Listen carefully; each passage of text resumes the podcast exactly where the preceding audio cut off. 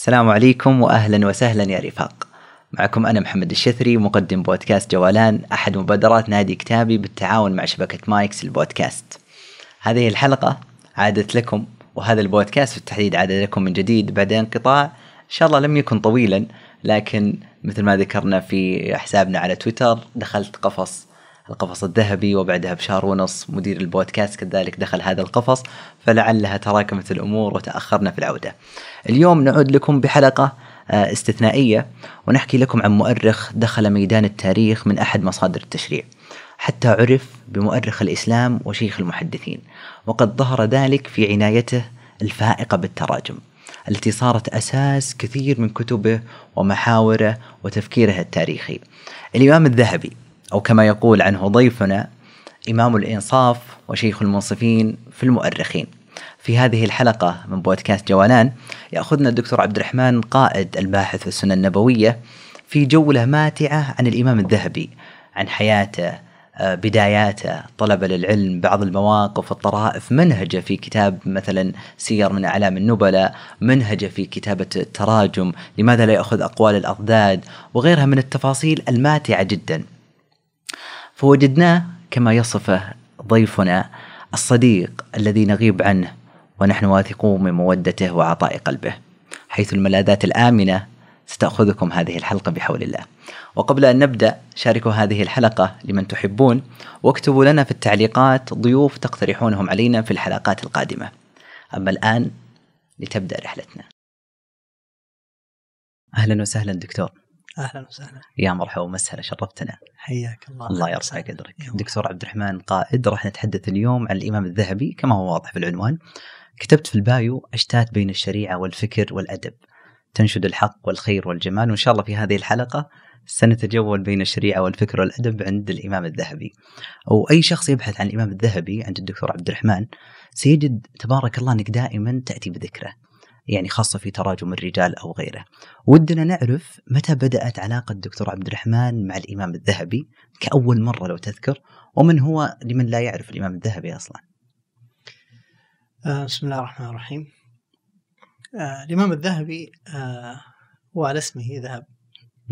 نسبته نسبة حقيقية يعني نسبته إلى الذهب. جميل. ومثل ما قلت أنا مرة أنه الملاذ الآمن. صحيح. يعني دائما هم في لغة الاقتصاديين والاستثمار إن الذهب من الملاذات الآمنة.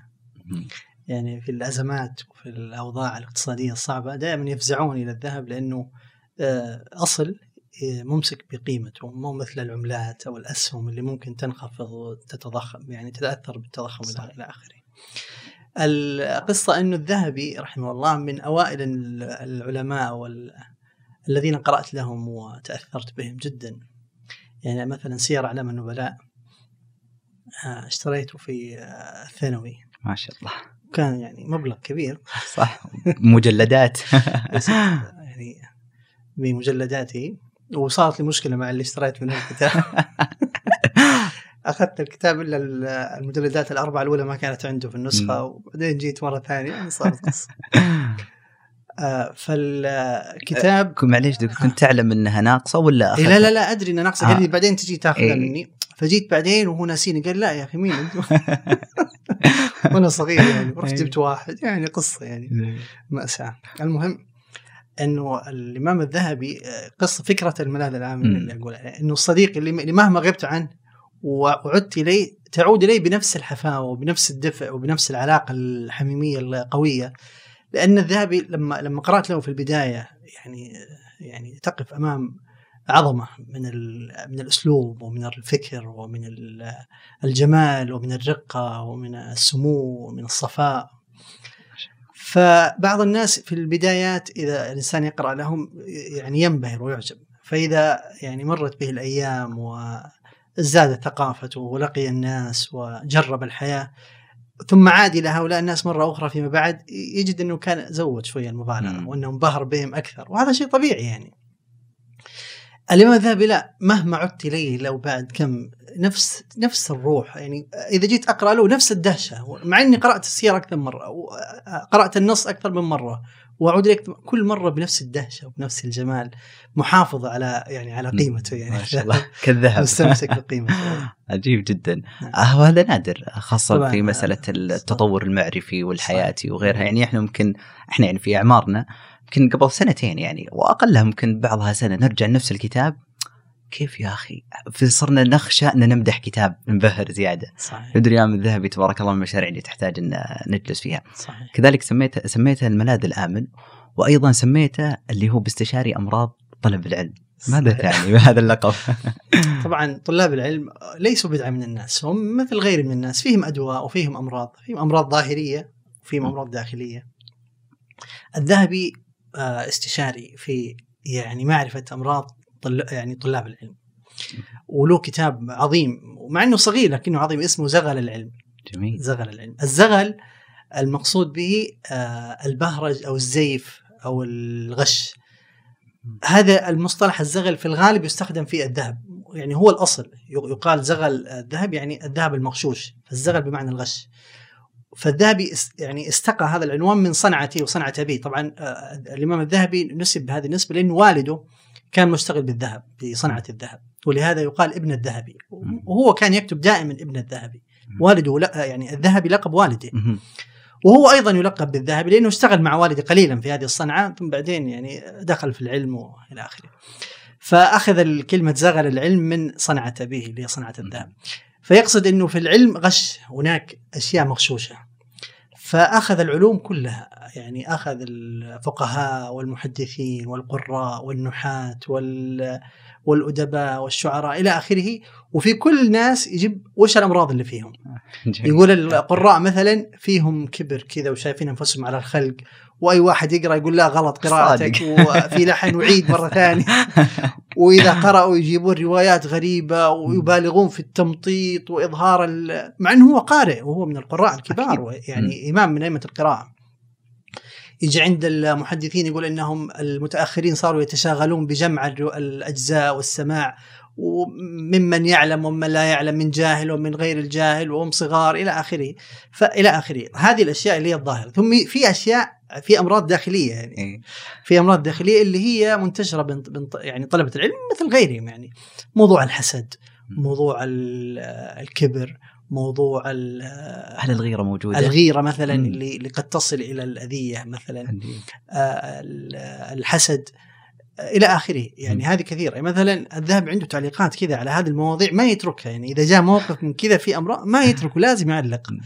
يعني مثلا جاء مرة في واحد من العلماء اسمه الحجاج بن ارطى يقول آه إنه لا تكمل مروءة الإنسان إلا إذا ترك الصلاة مع الجماعة. لأنه يقول انه بروح الصلاة مع الجماعة تقف مع الناس يقول جنبك واحد بقال وجنبك واحد كذا يعني وين أنت؟ لك وضعك يعني. عجيب إيه. يعني أنت عارف لك وضعك كذا ولازم يعني ما تقف مع عامة الناس كذا. فالذاب يعني إيش يقول إيش يقول؟ قبح الله هذه المروءه التي تأتي بمثل هذا. يقول هذا كبر على خلق الله. إذا إذا المروءه يعني هي راح تمنعك من صلاة الجماعة قبح هذه المروءه فما يترك الأشياء اللي زي كذا ما يترك لازم يعلق عليها. ولهذا تعليقاته منتشرة في كتبه. وفي خصوصا في طلب العلم وكذا في بعضها تعليقات قصيرة وبعضها تعليقات يعني تعليقات أطول. واشتهر ب يعني خلينا نقول شدة اللفظ ممكن؟ يعني كإمام مثل الذهبي قد يصف بمن يعني قد يصف بالحيوان مثلا. الأحد. إيه. بعض الوضاعين. هذه يعني إيه. قليلة يعني إيه. في ميزان الاعتدال. مرة جمعت المواضع اللي السبات الشتائم. يعني كم يعني مواضع قليلة. غضب مرة من واحد راوي وضاع كذب على النبي صلى الله عليه وسلم. يعني جاب حديث موضوع كذا وكذا. فقال هذا الحيوان. فهذه قليلة يعني. لكن يعني غضبة للنبي صلى الله عليه وسلم. جميل. من سابقا من العلماء المتأخرين اشتهر فيهم رحلات العلم.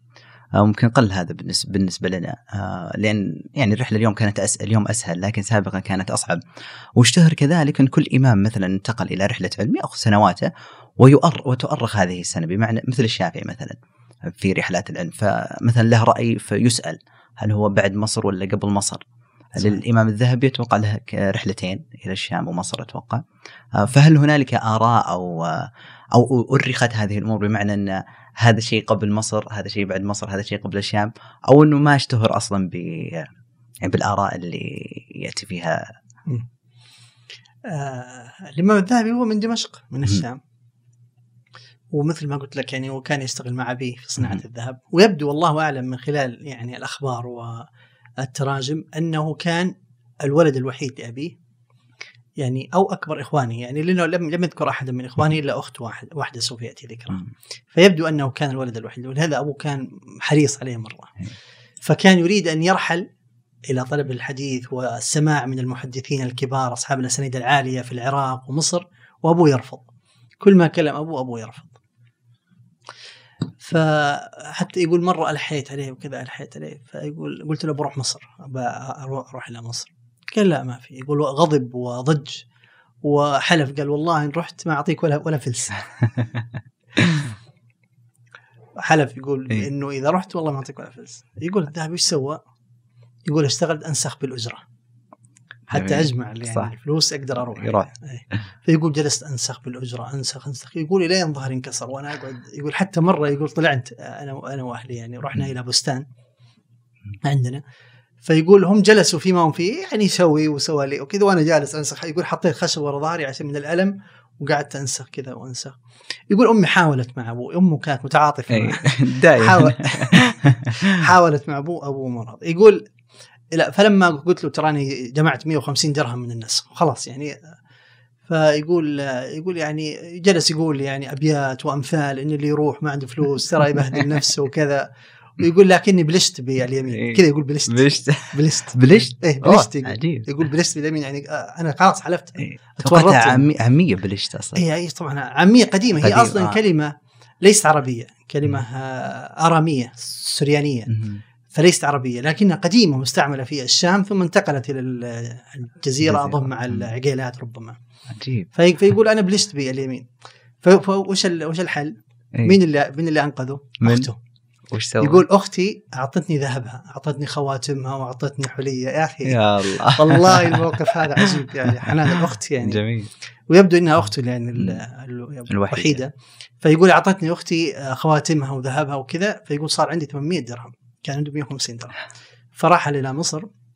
يقول اشترط علي يا أبوي؟ قال أربع شهور ما تزيد عن أربع شهور. تبي تروح؟ يعني فوق إني ما أربع شهور. فراح وكان يستغل أوقاته في الرحلة استغلال عجيب يعني يقرأ على المشايخ في في القراءات. كان عنده مسارين. مسار القراءة يقرأ على بالقراءات القراءات السبع والقراءات العشر ومسار القراءة على أهل الحديث يقرأ عليهم كتب الحديث. فيستغل الوقت ويجلس أوقات طويلة ومرة راح عند مقرئ صوته ضعيف آه, آه، سمعه إيه، سمعه ضعيف. فصار يقترب من إذنه ويصيح يعني يقرأ بأعلى صوته. يعني يقول فتعبت يعني وراح وقتي ولا سويت شيء فتركته ورحت عند واحد يعني يا الله. فهذه رحلته إلى مصر سمع فيها من كبار أهل الحديث. في الشام رحل إلى آه، حلب. أتوقع وحلب رحل إلى حلب مع ابوه ابوه ما خلاه يروح لوحده وداه معه كان يخاف عليه يعني. وحتى في مصر ما خلاه يروح لوحده وخلاه يروح معاه آه، ابن أمه من الرضاع. الشاهد إنه رحلة الذهبي لم تكن الرحلة اللي هي الرحلة العلمية المؤثرة في تغير الأفكار هي أفادته في السماع ولقاء أهل الحديث والقراء والأخذ عنهم. وأفادته أيضا في يعني تجارب جديدة ومعرفة الناس ويعني لقائهم، لكن ليست الرحلات اللي تغير الأفكار مثل آه، رحلة الشافعي وغيره. جميل جدا، من أشهر كتب الإمام الذهبي هو مثل ما ذكرت الكتاب آه، سير من اعلام النبلاء أو سير من اعلام النبلاء، وقبلها أتوقع كان تاريخ الإسلام. صحيح. و يعني تاريخ الإسلام أخذ من واحد ذو الحجة إلى 700 تقريبا، وأكثرها تراجم كذلك. هل يعني والسير على النبلاء كذلك تراجم يعني ودي أسأل مسألة الاستفادة يعني هو كتب تاريخ الإسلام باكثرها تراجم هل نسخ تاريخ الإسلام وزاد عليه السير ولا وش اللي وش اللي فرق بين تاريخ الإسلام وبين الكتاب الآخر؟ آه، تاريخ الإسلام هو الكتاب الأول. هو أشهر كتب الذهبي وهو العمدة يعني هو الأساس هو البنية الأساسية لكتب الذهبي. ترجم فيه لكل الناس. يعني مسك الناس كلهم ترجم لهم. ولهذا في زيادات على السير بالآلاف التراجم ليست في السير. جميل. لكنه ترجم للناس كلهم. حتى الرواة اللي ليس لهم تراجم يعني. قد لا تجد لهم ترجمة إلا في سرع إلا في كتاب تاريخ. الإسلام. السير بعد ما انتهى من تاريخ الإسلام رجع مرة ثانية مخمخ مخ... وانتقى أعلام النبلاء. هناك ترجم للناس كلهم لأنه تاريخ الإسلام ترجم للناس كلهم. لكن السير لا اختار أعلام النبلاء. يعني شوف سير أعلام النبلاء. أعلام النبلاء. اختار الناس كلهم. صح. أعلام النبلاء من العلماء والمحدثين والسياسيين والقادة والشعراء والأدباء. فهو السجل الحضاري لأمة الإسلام. السجل الحضاري للثقافة والأدب والسياسة والتاريخ والاجتماع كل شيء فيه لأنه النخبة يعني هو جاب الأحداث الكبرى في حياة الأمة. ولهذا التراجم اللي في السير أجمل منها في من من التاريخ لأن التاريخ فيه شوية جفاف يعني هو مادة تاريخية فيها تعليقات الذهبي لكن أقل من السير السير فيها إبداع وفيها اولا آه، يعني عامل السن إن الذهبي كان كبر في السن وصار أكثر يعني نضج. ثم آه، أنه أخذ راحته يعني في التعليق وفي ال... فالسير أمتع به كثير من التاريخ من ناحية أنها ص- آه، الصفوه انتقى ومن ناحية التعليقات للذهبي أوسع وأكبر. جميل جدا. لكنه يقول والكمال عزيز. فأعتقد إن يعني مع هذا ال- الكتابين أو المرجعين غالبا مع ذلك كان يذكر والكمال عزيز. صحيح. الكمال عزيز من مم. الذي يعني كمل؟ مهما مم. كان الإنسان عالم و يعني منصف مع أن الذهبي هو شيخ الإنصاف. أنا أعتبره شيخ الإنصاف. هو شيخ المنصفين في المؤرخين وكان من أكثر الناس انصافا وعدلا وحريص على هذا الجانب جدا. يعني عنده ديانة وعنده ورع. حتى يقول آه، عن بن آه، عن شيخ الإسلام مم. يقول إنه بعض الناس يعني كفره وانتقده وكذا وكذا يقول لكني لا أستطيع في ديني ولا في عقلي أن أكتم محاسنه يقول ما أقدر. يقول مع إني ما استفدت شيء لا جاها ولا مالا لكن يقول ديني وعقلي ما استطيع انك فهو حريص على الإنصاف وعلى العدل. ولهذا عنده كتب حلوة كذا فيها هذا الجانب الإنصافي. مثلا عنده كتاب صغير اسمه الرواة الثقات المتكلم فيهم بما لا يوجب الرد. راوي ثقة لكن تكلموا فيه لكن هذا الك- الكلام لا يسقطه. نعم. وله كتاب ثاني من تكلم فيه وهو موثق. وله كتاب ثالث مشهور ميزان الاعتدال في نقد الرجال. يعني كأنه ميزان للاعتدال. يعدل بين الناس. أورد فيه كل من تكلم فيه ودافع عنه. ومع كل هذا الإنصاف وكل هذا العدل إلا أنه هذه سنة الحياة. من آه، غربل الناس نخله من تكلم في الناس ما يتركوه في حاله. صح. إن آه، آه، هذاك يقول ابن الوردي في اللامية يقول إن نصف الناس أعداء لمن؟ ولي الأحكام. هذا إن عدل. يقول الناس نصهم عدو لمن ولي القضاء ولي الأحكام. نصهم راح يكونوا عدو. لازم. لأنه إذا حكم ففي في يعني هو راح يحكم بين مثلا اثنين فواحد منهم لازم يزعل سواء كان حكم عليه بالعدل أو بغير العدل. فنصف الناس راح يكونوا زعلانين منك لازم. ف ومع هذا كله فقلت مع كل العدل والإنصاف لما جاء واحد من العلماء وهو ابن المحب ألف كتاب في آه، الضعفاء أدخل الذهبي فيه عجيب. أدخل الذهبي فيه ليس من جهة أنه ضعيف حقيقة. لكن لأنه تكلم فيه. طبعا في ناس ما يرضيهم ما يرضيهم شيء يعني. فطعنوا في الذهبي وتكلموا في. إنصافه واتهموه لأنه لازم لا لازم يعني يتهم. ما دام أنا وليت ال- ال- الحكم بين الناس والتاريخ لن ترضي الناس كلهم يعني. صحيح.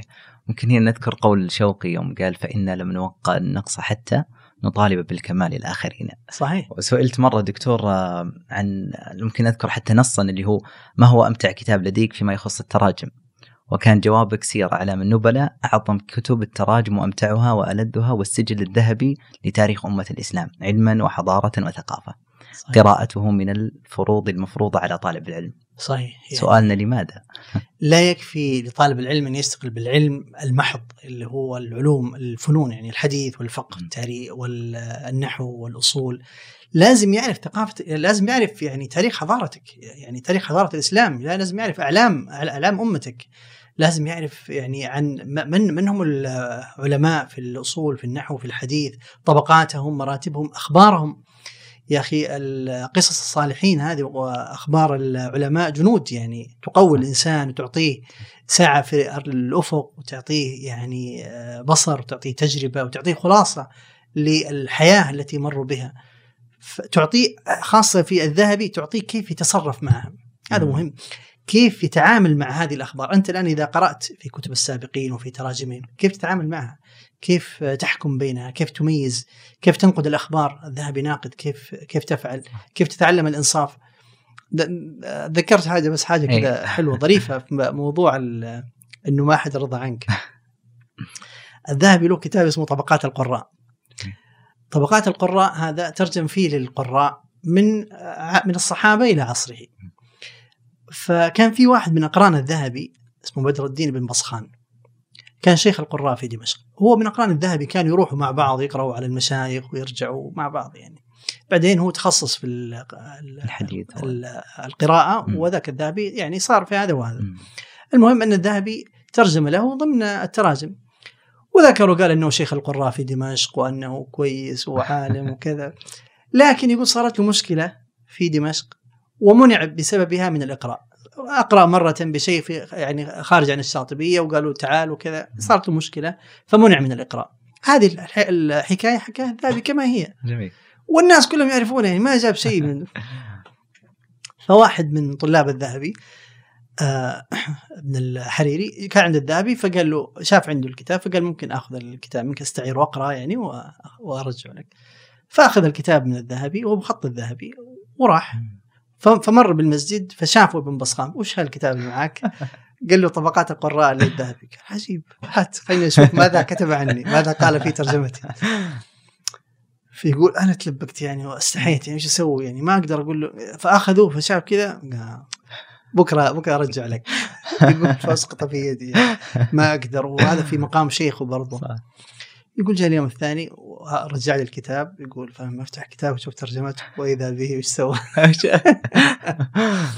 يقول طبعا هذا الكلام يحكيه ابن الجزري في غاية النهاية في طبقات. القراء يقول شفت النسخة هذه اللي بخط الذهبي وقد كتب عليها ابن بصخان بقلم غليظ فوق كلام الذهبي إيه. كلام شتم وتكذيب للذهبي وما لا يقال يقول وما لا يمكن ذكره إيه. يعني كلام شديد يقول فلما عاد الطالب هذا إلى الذهبي مستحي يعني إيش إيش يقول يعني؟ اي والله. يقول فاعتذر فقال له يا, يا بني أعرف أنه ليس لك يد في هذا وأنك معذور. يقول وش سوى الذهبي علق في الهامش. يقول ابن الجزري ما سوى شيء في كلام هذا يعني ما ضرب عليه. يعني كان يقدر يضرب. عليه. يشخبط عليه بالسواد يعني في الكتاب نفسه ما خلى كلام ابن أي. بصخان ما يعني ما ما ما, ما ضرب يعني. عليه خلى لكن علق في الهامش تعليق. بس كذا إيش يقول؟ يقول أنا أعلم من أين أوتيت يقول الذهبي أنا أعلم من أين أوتيت أعطيته فوق ما يستحق وتغاضيت عن أشياء ولي ولا وبيني وبينه وقفة بين بين يا. بين يدي الله.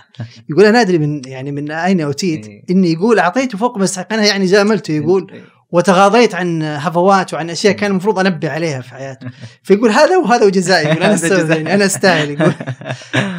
لكن شوف من من من عظمة الذهبي ما ضرب على كلام بس خلي خلي الناس يعني الناس سوف يقرؤون وسوف يعرفون فيما بعد. وفعلا من يعرف الآن ابن بصخان؟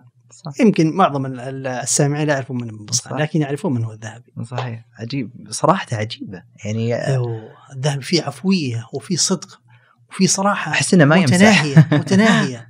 في عفوية وفي يعني شفافية متناهية الذهبي. يقول يعني يقول في في في بعض الرواة تذكر مرة راوي شيخ من شيوخه يقول أنه كان في كذا وقيل أنه كان لا يعني يصلي ولو كان في ورع ما كنت أروي عنه يقول لو فيها خير يعني ما كان رويت إيه. عنه لكن يقول عاد الله يعني يغفر لنا. يعني هو له للإمام الذهبي كذلك آه، مقولة من ناحية الكتابة عن الأقران. أو آه، يعني كلام الأقران بعضهم آه، في بعض يطوى ولا يروى. وما أدري هل كان يقصد في أقرانه أو كان يقصد إذا أخذ في ترجمة. يعني مثلا كان لا ياخذ ك- قول ابن ذئب في مالك ولا مالك في ابن ذئب ويعني ولا الأقران اللي فيما بعض وخاصة اللي بينهم شيء. هل هذا كذلك في أقرانه هو أو لا؟ لا يتورع بهم ولكن إذا جاء ينقل عن ترجمة أحد أحد مثلا أحد التراجم يتورع فيها. وين ال- الخلاف النقطتين؟ لا هو يقصد الذهبي اللي هو كلام الأقران يطوى ولا يروى. إنه في كتب التراجم نجد دائما أو أحيانا. بدل دائما نكون دقيقا أحيانا نجد بين الأقران يقع آه شيء من الطعن ومن النقد الشديد يعني بسبب ما يق... بسبب الغيرة دائما يعني يقال أن المعاصرة حجاب وأن. الأقران يعني قد بعضهم يغلو في نقده لزميله بسبب آه، الغيرة والحسد الذي يقع بين الأقران مهما كانوا أئمة إلا أنهم يلبسون هذا النقد لباس آه، الثوب العلمي يعني يلبسونه ثياب العلم والشريعة. يعني ما يجي ينقد يقولوا ينقدوا نقد جامد أو نقد مباشر. جارح. لا يقول مثلا أنه كان كذابا أو يعني إذا غلط غلط يضخم شوي. فالذهبي دائما عنده هذه القاعدة يقول إذا إذا جئت شفت بين الأقران نقد جارح جدا يقول هذا نعم. يطوى ولا يروى. يعني لا لا يؤخذ قول القرين في قرين. مثل ما تكلم مالك في ابن أبي ذئب وابن أبي ذئب في مالك. كلام شديد جدا. مع إن هذا إمام وهذا إمام. يعني ابن مندة في أبي اسمه هذا نعيم الأصبهاني. كلام شديد وهذا في هذا. فهو قرر هذه القاعدة إنه كلام من, من أشهر من طبقها. في كتبه انه هو أن ما يقع بين الأقران هذا يطوى ولا يروى، لا يؤخذ على محمله على محمل الجد، ترى جزء منه ترى أشياء نفسية وكذا، فأنت ما لك علاقة يعني هو كان بينهم مشكلة خلاص يعني الله يستر عليهم، لكن أنت لا تأخذ الكلام هذا بحرفيته كأنه نقد، لا خذ ممن ليس عنده مشكلة مع هذا المنقود. والذهبي طبق هذا مع أقرانه. يعني مثلا هذه القصة اللي مع ابن بصخان. إيه. يعني آه، أعطاه حقه يعني. بالعكس جامله هو يقول يعني جاملته يعني. جات على راسه يعني. فالذهبي كان إمام الإنصاف حتى مع مع شيوخه ومع مع أهل عصره يعني. والذهبي من من أسمح الناس نفسا. من أسمح الناس نفسا. عنده كتاب اسمه المعجم المختص. يعني هو سوى معجم لشيوخه اللي قرأ عليهم تمام؟ شيوخ. وعنده معجم ثاني سماه المعجم المختص بالمحدثين. ترجم فيه لأقرانه ولطلابه. فيثني على طلابه ويثني على أقرانه يقول هذا رجل فاضل وهذا ذكي وهذا شاب يقظ وهذا عالم وهذا مفتي ويثني عليه ما عنده أي غضاضة ولا أي مشكلة يعني. وبعضهم من من طبقة يعني أبنائي حتى يعني فالذهبي سمح جدا يعني شخصيته حلوة. جميل. جدا والله. يعني من الأشياء العجيبة إنه قد يذكر أحد ويمدحه. وكان وكان ثم كذا فجأة يقول كان فيه زندقة وانحلال مثلا. هو طبعا الذهبي في أمور الشريعة ما عنده لعب. أي. يعني عنده غير على الشريعة.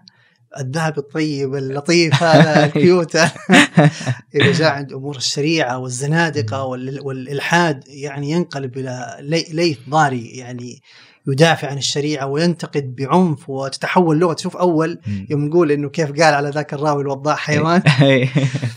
فما عنده لعب في أمور الشريعه وكذا يعني يصير يعني حاد جدا. بل ربما بالغ أحيانا آه، بسبب هذه الغيرة على الشريعة يعني تمام؟ مثل مثلا موقفه من ابي حيان مثلا ابي أبي حيان التوحيدي يعني أبو حيان التوحيدي لأنه تكلم فيه ابن الجوزي وقال أنه جمجم ولم ولم يعني يصرح فقسى عليه الذهبي مع أنه ما قرأ كتبه أظن قراءة دقيقة يعني حكمه ليس حكما دقيقا مبنيا على كتب أبي حيان لكنه اعتمد على كلام على كلام ابن الجوزي. فهذا بسبب غيرته على على التوحيد وعلى العقيدة عظيم جدا. كذلك من الأشياء اللي يتميز بها الإمام الذهبي أكيد هذا على الهامش من أمتع الحلقات اللي يعدها هذه الحلقة. لأن معك دكتور بنفس الوقت يعني الإمام الذهبي نسمع دائما. لكن هذه التفاصيل لمن لا يقرأ له لا يقرأ له ما ما ما يعني يصطادها. يعني من الأشياء اللي تميز فيها تعليقاته مثل ما ذكرت ومن التعليقات اللي وقفت عليها ودي إن نسولف عنها كثير. آه، يروي عن آه، يعني بنص الرواية إنه يقول عن آه، عبيدة بن عمرو السلماني ذكر فيه أن محمد بن سيرين قال له وصل إلينا من شعر رسول الله شعرة صلى الله عليه وسلم. اللهم صل وسلم من أنس بن مالك. فقال السلماني لأن يكون عندي شعرة من شعر رسول الله صلى الله عليه وسلم أحب إلي من كل صفراء وبيضاء على الأرض الله أكبر. علق الإمام الذهبي طبعا قال فانظر إلى ذلك الرجل كيف عرف معيار الحب الكامل. فجعل كل ما في الدنيا ليس بشيء أمام أن يحظى بش... أن يحظى بشعرة من شعر رسول الله صلى الله عليه وسلم. يعني هو له تعليق طويل. آه لكن هنا يعني جالس أشوف أن رقيق خاصة تجاه الرسول عليه الصلاة والسلام. صلى الله عليه وسلم. الذهبي فيه ديانة وفيه تأله وفيه عبادة وفيه نسك. وهذا جانب ما هو مشهور يعني حتى اللي كتبوا عن الذهبي معظم اللي كتبوا عن الذهبي أو عامتهم يعني الدكتور بشار عبد الستار الشيخ كثيرين. ما أبرزوا جانب التعبد وجانب التأله عند الذهبي مع أنه الذهبي في كتبه وفي أخباره فيها تأله عجيب. يعني حتى واحد اللي هو ابن تغري بردي واحد من الأمراء المصريين له كتاب اسمه المنهل الصافي لما ترجم للذهبي يقول وكان متعبدا وله أوراد هائلة. هذه ما هذه غير مشهورة ولا هي يعني مذكورة. يقول كان كانت له أوراد هائلة. يعني صاحب تعبد وصاحب نسك وصاحب أوراد وجلوس و... فهذا يسبب رقة في القلب ويسبب يعني ديانة. ومن ديانة الذهبي و... ونسكي أنه كان بار بأبيه مثل ما قلنا أنه ما رضي يرحل آه، بسبب حتى حتى لا يكون عاق بأبيه. حتى لما راح إلى مصر وانتهت الأربع الاشهر رجع؟ مع إنه يقول أنا أبغى أجلس يقول فاتني فلان وفلان لكن لأن والدي اشترط علي أربعة أشهر وخشيت أن أكون عاقا له. يا الله. فيقول يعني ما ما خلصت يعني أنا باقي لي ناس ما سمعت منهم. فهذا يدل على على عظيم الديانة. مو عشان الفلوس خلاص وقته أعطته هو ممكن يشتغل بالنص. لكن في ديانة وفيه عبودية لله. ولهذا يثني على هذا الجانب عند شيخ الإسلام ابن تيمية جدا وكان معجب به جدا. في جانب التأله وجانب العبودية. وهذا يظهر في هذه مثل في مثل هذه التعليقات التي تظهر حب الذهبي للنبي صلى الله عليه وسلم وغيرته عليه. وإذا شاف واحد يكذب عليه كيف يزعل ويغضب. كثير له تعليقات في على الكذابين والوضاعين. يعني فيها حب صادق يعني. ما هم يعني ماخذ الموضوع على إنها عملية صناعية بس والله إنه هذا حديث موضوع وهذا حديث ضعيف وهذا حديث صحيح. لا يغضب. كيف تكذب أنت على النبي صلى الله عليه وسلم؟ كيف يعني؟ كيف؟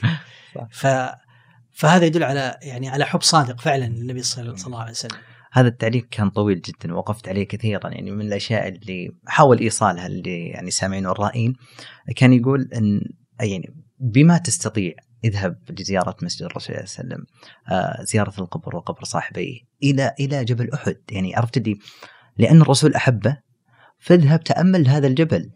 يعني شيء عجيب. لذلك ختم كلامه وأعتقد أعتقد ما بياخذ بس إن الرسول عليه الصلاة والسلام يعني آه، ما ما نقدر نمسك نفسنا.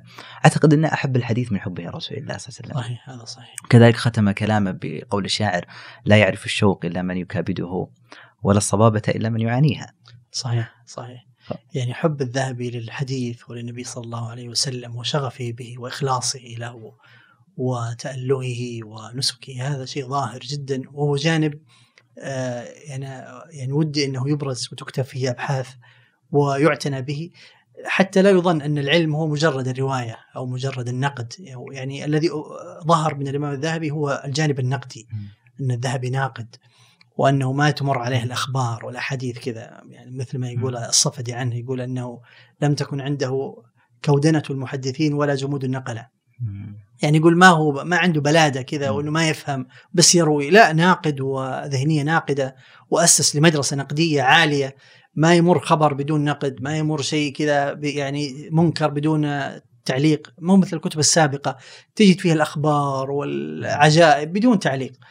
فهذا الجانب أبرز للإمام الذهبي بوضوح لكن جانب التعبد والسلوك والرقة هذا يحتاج إلى إبراز يحتاج إلى أن يكتب فيه وتجمع النظائر وتجمع الأخبار وتجمع التعليقات ويظهر. يعني هذا راح يعطي شيء من التوازن في شخصية طالب العلم حتى ما يكون فقط يعني آه، عنده حديث حديث ونقد وأسانيد وعلم. فقط الآلة يعني. أي فقط علم يعني آلي آه، صناعي. لا فيه أثر لهذا العلم على سلوك الإنسان.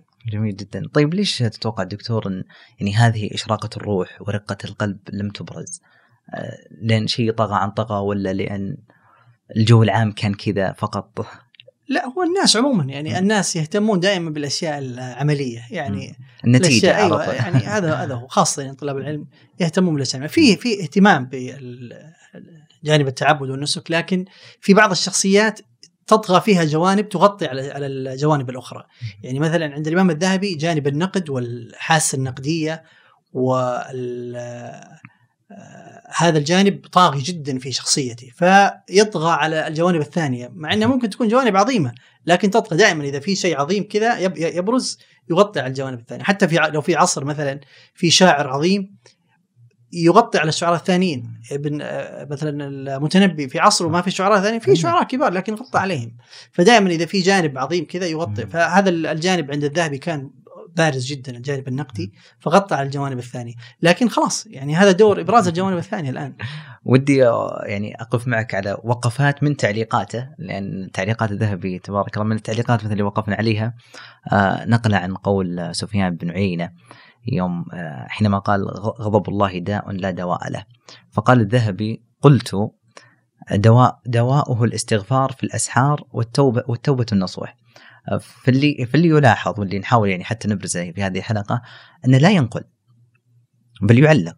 اي طبعا. اي تعليقات الذهبي يعني حافلة في كتبه ما يترك حتى في مختصراته. يعني الذهبي كان مشهور بالاختصار كان يختصر الكتب. حتى في مختصراته عنده تعليقات. يعني إذا اختصر كتاب لا يختصر فقط كلام المؤلف يجي بعده يقول قلت وأحيانا يدمج كلامه. يعني حتى مختصراته لكتب شيخ الإسلام ابن تيمية مثلا مختصر لكتاب منهاج السنة. هذا المختصر يعني الناس يمكن ما يهتمون به لأنه أصله موجود. يقولوا ما دام كتاب ابن تيمية منهاج السنة موجود فمختصر. الذهبي هذا ما له داعي. لا في تعليقات للذهبي تعليقات حلوة.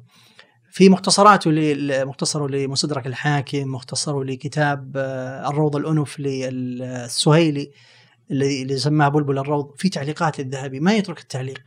كذا حاسة التعليق هذه ما يتركها.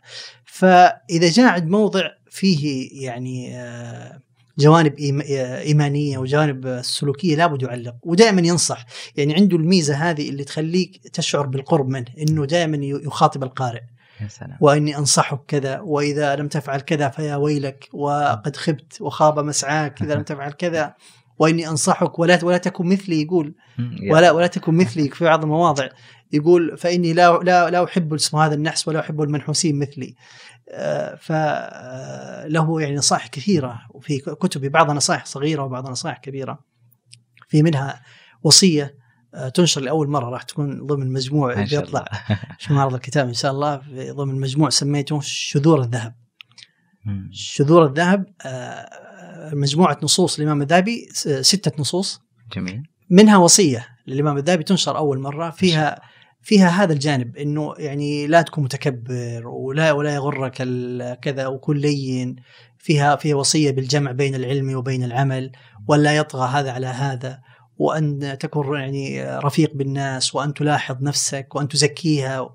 فهو حريص على هذه المعاني ودائما ينصح طلاب العلم ودائما يذكرهم ودا. ف ولهذا كانت عبارته محبوبة وكانت دائما تمدح بان عبارته مليحة والفاظه حلوة. وكتبه كانت لها قبول عند الناس من أول وفي عصرنا. في عصرنا طبعا الذهبي. له حظوة كبيرة. والجانب الأدبي عالي يعني. طبعا. أتوقع هذا اللي من الأشياء اللي تنقص آه، يعني م- من دخل في الشريعة أو آه، ينسى جانب الأدب.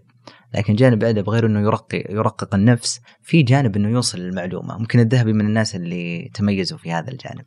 إصباغ الأدب في أسلوب الذهبي جميل يعني. مم. قلمه متفرد يعني. الذهبي من أصحاب الأقلام والأساليب التي لا تشتبه بغيرها. يعني إذا قرأت نص تقول هذا حق الذهبي ما يشتبه بغيره. في بعض الناس أساليبهم مثل بعض. والله ما أدري هذا حق فلان ولا حق فلان يعني نفس الكلام. الذهبي لا قلمه متفرد وعنده معجم خاص. وفيه يعني تطعيم بالألفاظ العامية كذا والألفاظ المولدة وعنده جرأة على الابتكار وعلى نحت ال- الكلمات. فلغته متفردة جدا. يعني من ممكن من من الأدوات لإثبات نسبة كتاب أن تنظر إلى ألفاظ هذا الكتاب أو ألفاظ هذا النص حتى تعرف أنه للذهبي أو لا. بال- بالإضافة إلى أن الذهبي مثل ما قلت يعني أديب يعني هو أديب وشاعر وله يعني مقطوعات حلوة و- وله أحكام نقدية يمكن جمعها يعني يمكن أن يجمع إنسان باحث أحكامه النقدية الأدبية على الشعراء وعلى ال... يعني جاء عند المتنبي يقول على المتنبي شاعر العصر ولم يأتي في العالم أحد أشعر منه. يقول وأما مثله فقليل. يعني مثله في شوية لكن أشعر منه ما في أحد في العالم يقول هذا العصر عجيب. مع أنه مو عاجبه يقول أن المتنبي ظالم لنفسه لكن في الناحية الأدبية مم. عنده أحكام نقدية يعني حلوة وعنده أشعار طبعا رقيقة يعني وفي أشعار مشهورة الناس ما يعرفون إنها لأنها. للذهبي يعني في بيتين اللي يقول آه، العلم قال الله قال رسوله إن صح يعني ان صح الحديث. والإجماع فاجهد فيه. ما العلم نصبك للخلاف سفاهة بين النبي وبين رأي فقيه. هذين البيتان للذهبي وهي مشهورة سائرة في الناس. أيضا من الابيات الحلوة آه، بيتين. عجب الصفدي. يقول آه، آه، راحت. ودي أغشك بس ما مرت علي هل في مبحث خاص لهذا الجانب يعني من التقط ال... والله ما أعرف إن أحد بحث عن الجانب الأدبي عند الذهبي مع إنه يستحق صراحة يعني أحكامه. النقدية الأدبية وتعليقاته تستحق في ناس جمعوا آراء الذهبي في الكتب. في ناس. يتبعوا آراءه في الحديث في ناس لكن الجانب الأدبي عند الذهبي طبعا ما أقول إنه والله اديب ون- وناقد أدبي كبير لكن لا عنده حس عنده حس. وعنده أشياء حلوة يعني. ما كمان يعني إن الله يحب الإنصاف ما أقول إنه. ناقد كبير يعني. لكنه عنده أشياء حلوة وعنده نقدات لطيفة يعني. جميل جدا. ذكرنا منهج الإمام الذهبي وحياده وتعليقاته وبعض الأمور. ودنا نذكر آه، في ال- بعض التراجم يعني اللي وقفت عليها واللي وقفنا كذلك إحنا عليها. من التراجم اللي وقفنا عليها ترجمة الإمام آه، ابن تيمية شيخ الإسلام. يعني لعلي أقرأ جزء منها آه، حينما قال آه، وهو أكبر من أن ينبه مثلي على نعوته نقصد صفاته. فلو حلفت بين الركن والمقام. لحلفت أني ما رأيت بعيني مثله ولا والله ما رأى هو مثل, مثل نفسه في العلم. شيء عظيم هذا يعني وحلف. الذهبي مع ابن تيمية يعني قصة حكاية. مم. والله العظيم حكاية. حكاية. إحنا هنا نسمع يعني هو يقول يقول أنني يعني كان ابن تيمية شاغل الذهبي طبعا هو كان يعني صاحب. صح. وهو في طبقة شيوخي يعني. وحتى دائما يقول شيخنا ابن تيمية. يعني ما رفع التكليف بينهم. يقول دائما شيخنا ابن تيمية. لكنهم كانوا رفقة يعني. الذهبي والمزي والبرزالي وابن تيمية. والبرزالي له فضل على الذهبي. لأنه البرزالي ال- ال- علم الدين. هو اللي وجه الذهبي لعلم الحديث. يقول آه،. الذهبي أنه رأى خطي وأنا صغير يقول رأى خطي في شيء كذا كتبه. فق- فقال له خطك يشبه خط المحدثين. يقول فهذا قذف في قلبي حب الحديث وبدات اطلع يا الله. فشاهد أنهم كانوا رفقة مع بعض. طبعا السبكي يقول إن ابن تيمية أضر بهذه الرفقة ورطهم وسبب لهم. مشاكل. فالذهبي كانت صلته بابن تيمية قوية وطويلة. وكان مشغول بابن تيمية. يقول وقد وزنته سنوات. يقول قعدت أفكر في حاله وأفتش وأقلب حاله. سنوات يقول وأنا أفكر و... لأنه هو ناقد هو مؤرخ وناقد. ومر عليه آلاف الناس يعني من الق... ومع هذا ابن تيمية ليس شيئا جديدا. مو تقول والله ما قد شاف أحد ولا يدري عن أخبار أحد. فشاف ابن تيمية وان- وانبهر. يعني بعض الناس يكون شاف واحد ما يدري عن الدنيا. فشافوا شيء شيء عظيم وانبهر فيه. لا الذهبي شاف الناس وشاف العلماء وقرأ تراجمهم ويعرف ويعني يميز ومع هذا ابن تيمية عنده سماع شيء مختلف يعني شيء مختلف ولهذا كلامه في ابن تيمية له قيمته وله وزنه أحيانا المدح من بعض الناس ليس له قيمة أو قيمته ضعيفة لأنه صح. يعني هذا المدح هو يعكس ثقافتك أنت. ومدى علمك المهم أن الذهبي كان له مع ابن تيمية حكاية وش- وشأن لأنه كتب فيه أصلا يعني كتاب مفرد. غير الترازم اللي في ضمن كتبه له كتاب اسمه الدرة ال- اليتيمية في ترجمة ابن تيمية. ترجم فيه ابن تيمية ترجمة موسعة. فيقول إني إني وزنته وفتشته وخبرته سنوات حتى وصلت إلى هذه القناعة. فهو يرى أن ابن تيمية عالم عظيم جدا في العلم وفي السلوك وفي الجهاد وفي الكرم. يقول كرمه حاتمي. وشجاعته خالدية يعني من خالد خالد بن الوليد.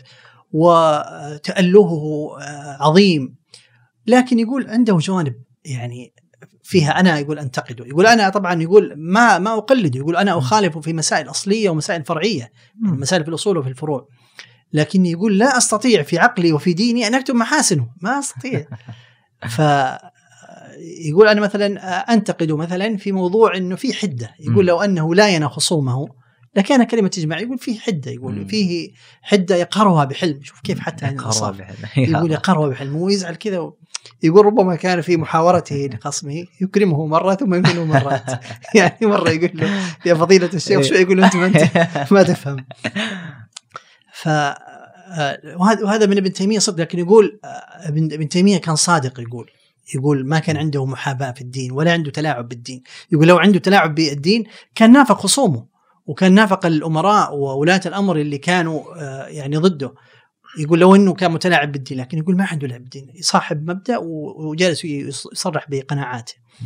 وال- والمشكلة إيش؟ يقول إنه أنا يعني الذي يعرف ابن تيمية ويحبه وكذا ينسبني إلى التقصير فيه. يقول قصرت فيه. والذي يكره ابن تيمية ولا يعجبه يقول إني بالغت فيه فيقول أوذيت من هذا من من هؤلاء ومن ما. رضيت. فما حد راضي عني يقول وعدم الرضا من الاثنين هذا يدل على إنك ماشي مضبوط صح يعني. هذه منهجية إيه، ناخذها. ودنا كذلك نقف دكتور على بعض الروايات صراحة وقفت عليها آه ذكر إنها من تاريخ الإسلام وما وجدت لها يعني حاولت اني أرجع لها وحاولت اني أبحث عن تعليق الإمام الذهبي عنها. نعم. لأنه رواية يعني آه، بياتي ذكرها آه، في يعني لحظة آه، يعني قتل الحسين رضي الله عنه ذكر روى أن بعض بعض من يروي بعد هذه الحادثة أن مثلا الشفق كان يبدأ من العصر مده سبع أيام فكانت السماء كأنها يعني مليئة بحمرة كأنها فيها دم أن الكواكب تخبطت. يعني بعض الروايات اللي زيادة العجيب أنه علق أحد العلماء فقال هو عالم جليل يذكر يعلق على هذا التعليق اللي آه، نقله الإمام الذهبي هو عالم جليل توقف عقله في هذه الجملة.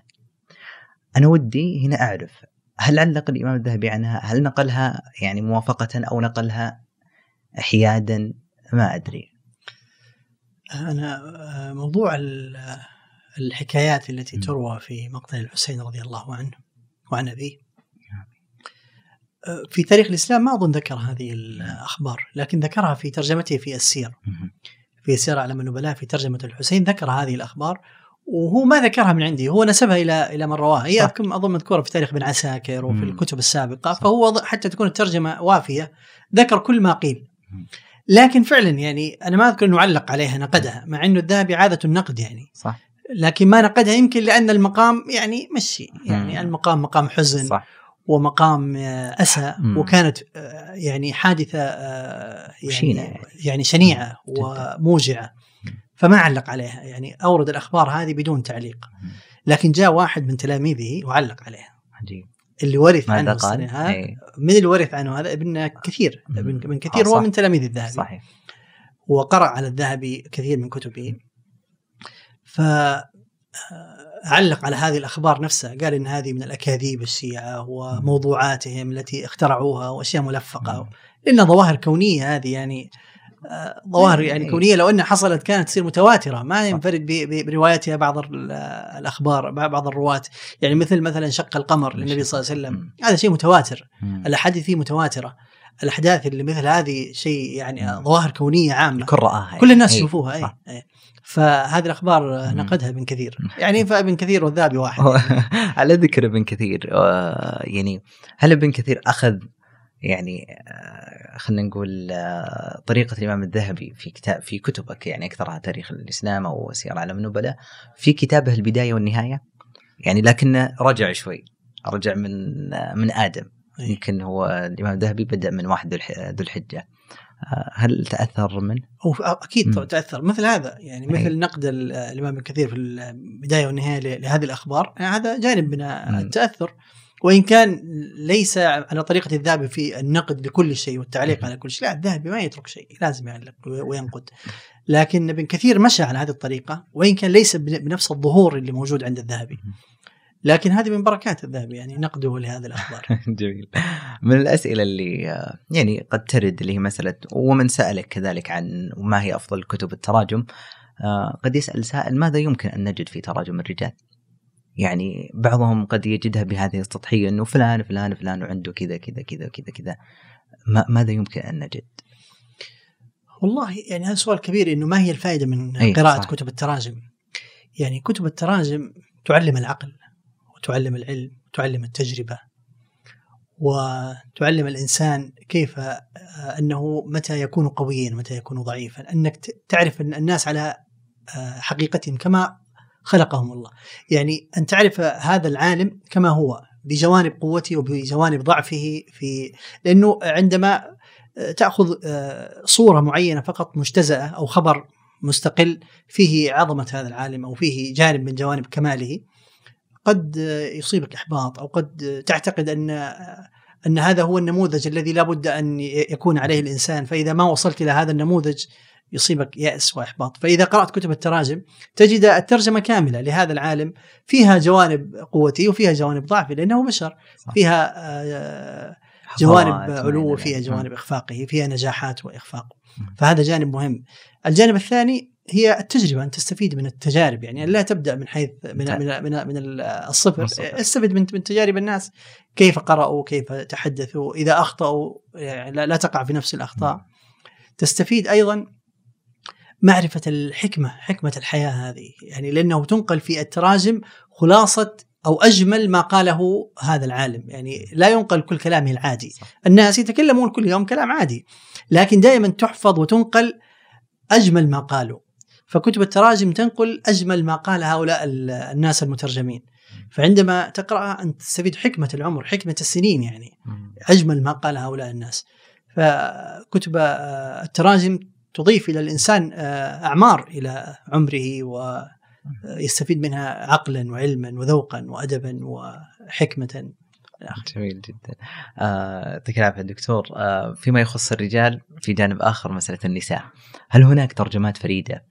كان يعني تخصص بها الذهبي لبعض النساء أو بشكل عام يعني المرأة غائبة. ترجمات. خاصة في مسألة الجانب العلمي يعني. آه بالنسبة للذهبي والنساء. أول شيء شوف القصة إيه؟ الأولى علاقته مع أخته. اي هذه لازم نستشهد بها. عليها فوكس الذهبي له عبارة مشهورة ومهمة في الانتصار للنساء وفي إظهار قيمة النساء. جميل. يقول في كتابه الميزان ميزان الاعتدال يقول وما علمت في النساء من اتهمت ولا من تركوها. طبعا كتاب ميزان الاعتدال أورد فيه الرواة الضعفاء والمتهمين بالكذب والوضاعين فذكر آلاف الناس. لما جاء عند قسم النساء قال ما علمت في النساء من اتهمت بالكذب ولا من تركوه يعني ما في امرأة قالوا كذابة. ما في. عجيب. ما في راوية قالوا عنها كذابة أو قالوا متهمة بالكذب أو وضاعه الرجال كثير. ها؟ طيب ممكن النساء قليل ولا كيف؟ لا في اسمها ضراويات يعني الضعف يأتي إلى النساء من جهة الجهالة. يعني بعض النساء مجهولات لأنهم في يعني كانوا في وسط غير مخ يعني مختلط بالرجال فما فما يعرفن. فالضعف اللي قد يأتي لبعض الراويات من النساء من جهة الجهالة ممكن تكون مجهولة لكن تكون كذابة أو وضاعه الذهب يقول أنا مو أنا الذهب يقول يقول ما علمت في النساء من اتهمت يعني قيل بأنها متهمة بالكذب ولا من تركوها قيل أنها متروكة. هذه صراحة شهادة عظيمة هذه نحط نقطة بعد هذه. آه، التراجم للنساء قليلة في التراث الإسلامي اللي هي التراجم بمعنى أنها لها دور ثقافي كبير يعني لها دور ثقافي كبير. هناك آه، تراجم كثيرة للنساء الراويات اللي سمعوا الحديث وهم صغار ها في مجالس السماع. ثم لما كبروا احتاج الناس إلى أسانيدهم فصارت تقرأ عليهم كتب الحديث ويذكرون في الأسانيد. لكن في الحقيقة هم ليس لهم دور معرفي يعني ما في ما أضافوا شيئا إلى المعرفة الإنسانية أو أو المعرفة العلمية أو التراث. إنما فقط كان دورهم هو انهم هم صغار حضروا مجالس السماع وكتبت اسماءهم في مجلس السماع على الشيخ. لما كبروا وطالت أعمارهم وماتوا أقرانهم فالناس جاءوا إليهم حتى يسمعوا هذا الكتاب مثل صحيح البخاري اللي سمعوا هذا الطفل الصغير أو هذه البنت الصغيرة لما كبرت لكن مع ذلك كان في بعض النساء لهم دور ثقافي ولهم أثر. يعني في مثلا من المحدثات المشهورات اللي ترجم لهم الذهبي في السير آه، شهدة. شهدة آه، بنت أبي الفرج آه، الدينوري كانت تلقب بفخر النساء. عجيب. هذه الشهدة الكاتبة لها ترجمة حلوة في السير. لكن التراجم اللي من هذا النمط ليست يعني كثيرة. هل السبب يعني مسألة انشغال النساء في أمور ثانية و يعني وهذا طلب الرجال فأنتم هنا. يعني هذا كان وضع العالم الإسلامي في أتوقع العالم كله يعني, يعني وحتى حتى إيه. يعني غير العالم الإسلامي. كانت المرأة أدوارها محصورة يعني في آه، التربية وإعداد النشء وإعداد الجيل. يعني كانت مشاركتهم في الحياة العلمية قليلة. يعني قليلة بالنسبة إلى آه، كثرة الرجال. الرجال. ولهذا إذا أردنا أن نبحث في التراث الإسلامي عن كتب عظيمة للنساء ما ما نجد صح. يعني لا كتب عظيمه ولا غير عظيمه. يعني المشاركة النسائية في التأليف قليلة جدا. لا تكاد تذكر إلا نماذج قليلة تعد يعني. لأنهم كانوا مشغولين بأدوار أخرى يعني.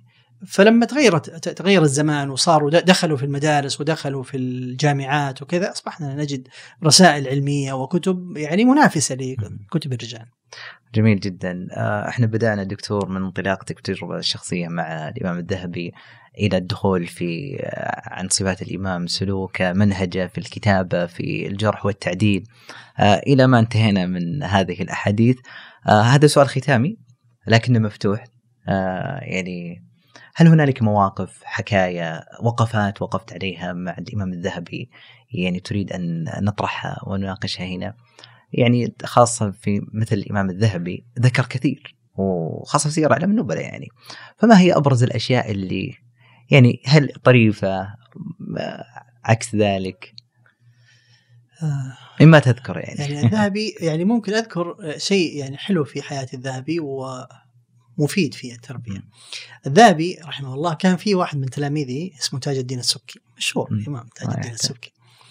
يعني هذا الذهبي له فضل عظيم عليه له فضل عظيم. يعني حتى السبكي تاج الدين السبكي لما ترجم للذهبي يقول شيخنا أبو عبد الله الذهبي الذي خرجنا في هذه الصناعة وأدخلنا في عداد الجماعة. يعني أنا تخرجت في هذه صناعة الحديث عليه ودخلت في عداد الجماعة في عداد أهل الحديث على يعني على يعني بسببه وعلى يديه. ومع ذلك تعصب على شيخه الذهبي وهذا هذا أقول لك النموذج الفرق بين المنصف وبين عدم المنصف م. يعني تاج الدين السبكي نموذج للتعصب م. عالم كبير وفقيه ومترجم وكل شيء ممتاز يعني ما أقول لكن عنده تعصب لمذهبه الأشعري م. فما عجبه موقف الذهبي مع إن الذهبي لطيف ويقول إن الذهبي آه، غير منصف وأنه يكره الأشاعرة ويكره الصوفية ولهذا ويعظم الحنابلة ويكره الشافعية يعني الذهبي شافعي إيه، الذهبي شافعي. وينتسب إلى الإمام الشافعي دائما؟ ويس يعني يستفتي الشافعية. وعنده تأله وترجمته لأبي حامد الغزالي طويلة ترجمته لأبي الحسن الأشعري طويلة ترجمة حلوة وطويلة. ومع ذلك تعصب عليه تلميذه التاج السبكي وتكلم عليه كلام قاسي جدا. ولهذا العلماء اللي جاءوا من بعدهم أنكروا على تاج الدين السبكي. حتى عز الدين بن جماعة يقول هذا قليل أدب. كذا يقول قليل قليل أدب. هذه العبارة. يقول يقول يقول هذا قليل أدب. يعني كيف تتكلم على شيخك كذا؟ ثم كلام بالباطل. ما هو مو كلام بالحق. لكن إحنا خلينا نكون منصفين يعني هذا لا يسقط تاج الدين السبكي تاج السبكي عالم صح. كبير لكن حتى بس واحد يعرف الضعف البشري ويعرف إنه كل إنسان في جوانب قوة وفي جوانب ضعف وأن يعرف يعني التفاوت ما بين الناس. شوف إنصاف الذهبي بمقابل تعصب آه السبكي. السبكي. آه اللي هو يعتقد إنه آه ليش يعني نقد الإمام الذهبي مقصد إنه في تراجم الأشاعرة كان مثلا اي هو هو يشوف يعني. إيه هو طبعا لأنه السبكي متعصب للأشاعرة جدا. مم. فهو يرى إنه الذهبي لما يأتي عند ابن تيمية يمدحه مرة لما يجي عند عند أئمة السلف يمدحهم لما يجي عند الأشاعرة يقول يختصر الكلام. مم. طيب حتى لو اختصر الكلام هو أهم شيء إنه ما قال باطلا يعني مع إنه مو صحيح. وفي بعض التراجم للأشاعرة طولها وبعض التراجم آه، قصرها حتى لأئمة الحديث.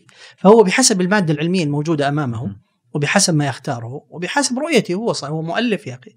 هذا زي واحد يقول لك يا أخي ليش تغرد؟ كذا خذ يا أخي ال password حقي وغلق على كيفك فهذا هو المؤلف وكيف يا أخي؟ هذا الحين كتاب. وأهم شيء إنه ما قال باطلا صحيح. وما قصر وما سكت عن حق ولا نطق بغير الحق.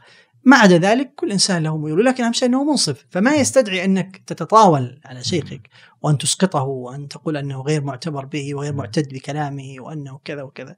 يعني هذا ليس من الأدب. وهذا درس إن الإنسان يعتدل ويهدى شوية كذا ويروق. ويعني يستفيد من التجارب المنصفة هذه مثل تجربة الإمام الذهبي تجربة رائدة جدا لمن يريد أن ينتقد وينظر كيف تعامل مع مع الشخصيات اللي فيها آه، جوانب مختلفة. يعني شوف لما جاء عند ابن حزم مثلا ابن حزم شخصية جدلية. صح. وشخصية عندها حق وعندها عندها جوانب مشرقة ومرتفعة جدا وعندها أشياء فيها شواذ وفيها أخطاء. جاء الذهبي وأنصفه جدا ورفع يعني يعني أبرز الجوانب الإيجابية والعالية واعترف بما له من الحق وانتقده أيضا في الأشياء التي خالفوا فيها، ولما جاء عند ابن العربي المالكي مثلا الذي انتقد ابن حزم وقسى عليه في الكلام ويعني شوية زودها يعني حتى. فقال له اهدى يا أبوي هذا أعلم منك يعني أنت مين تتكلم يعني؟ هو هذا عند الذهب لما يجي عند واحد كذا يقول ترى هذا أعلم منك كيف لا تتكلم زي كذا؟ ما يصير. يوم جاء عند مثلا محمد بن عبد الواحد الدقاق انتقد محمد بن طاهر المقدسي. قال أقصر أقصر يعني اهدى أبوي. فإنه أحفظ منك بمراحل يعني. فلما جاء عند ابن الجوزي آه، كلامه على أبي سعد السمعاني. يقول إن أبو سعد السمعاني آه، ابن الجوزي يقول على ابو سعد السمعاني إنه متعصب وأن كتبه فيها كذا وكذا. فقال اسكت يا شيخ أنت كتبك فيها أخطاء وفيها كذا فخلينا مساكتة. يقول خلينا مساكت خلينا ساكتين. ما نبي نطلع اللي, اللي عندك. يقول بل هو والله أحسن وعقيدته أحسن من عقيدتك. فالذهبي يعني شيخ الانصاف أيقونة للإنصاف وقدوة والذي يقرأ كتب الذهبي فوق أنه يعني يعرف التاريخ يتعلم الإنصاف ويتعلم العدل ويتعلم الرؤية الكاملة والنظرة الشمولية ويتعلم الهدوء ويتعلم حسن الأدب مع العلماء. هذه بعض فوائد يعني قراءة كتب الذهبي. ما شاء الله تبارك الله. يعطيكم العافية دكتور. وصلنا إلى نهاية هذه الرحلة الماتعة جدا. شخصيا استمتعت وأجزم وأعتقد أن المستمع والرأي كذلك سيستمتع في هذه الحلقة. الله يحفظك. يعطيكم العافية. آه، شكرا لكم. كانت رحلة ماتعة. عن الإمام الذهبي أخذنا كذا. آه، ما زلنا مقصرين. وهذا لازم يعني نذكرها كذا ونحطها بين قوسين. مهما قلنا ما زلنا مقصرين. والكتب التي ذكرتها بإذن الله راح نحطها في الوصف. لمن أراد أن يرجع لها لكن اكثرها مطبوعة. اي كلها كلها مطبوعة. زين الحمد لله. إلا كتابه هذه اللي راح تطبع في معرض الكتاب أي هذه قريبة. خلاص هذه موجودة إن شاء الله. ننزل حلقه يعطيك العافية دكتور. الله يعافيك. يعطيكم العافية جميعا للسامعين والرائين ونشوفكم على خير. في أمان الله.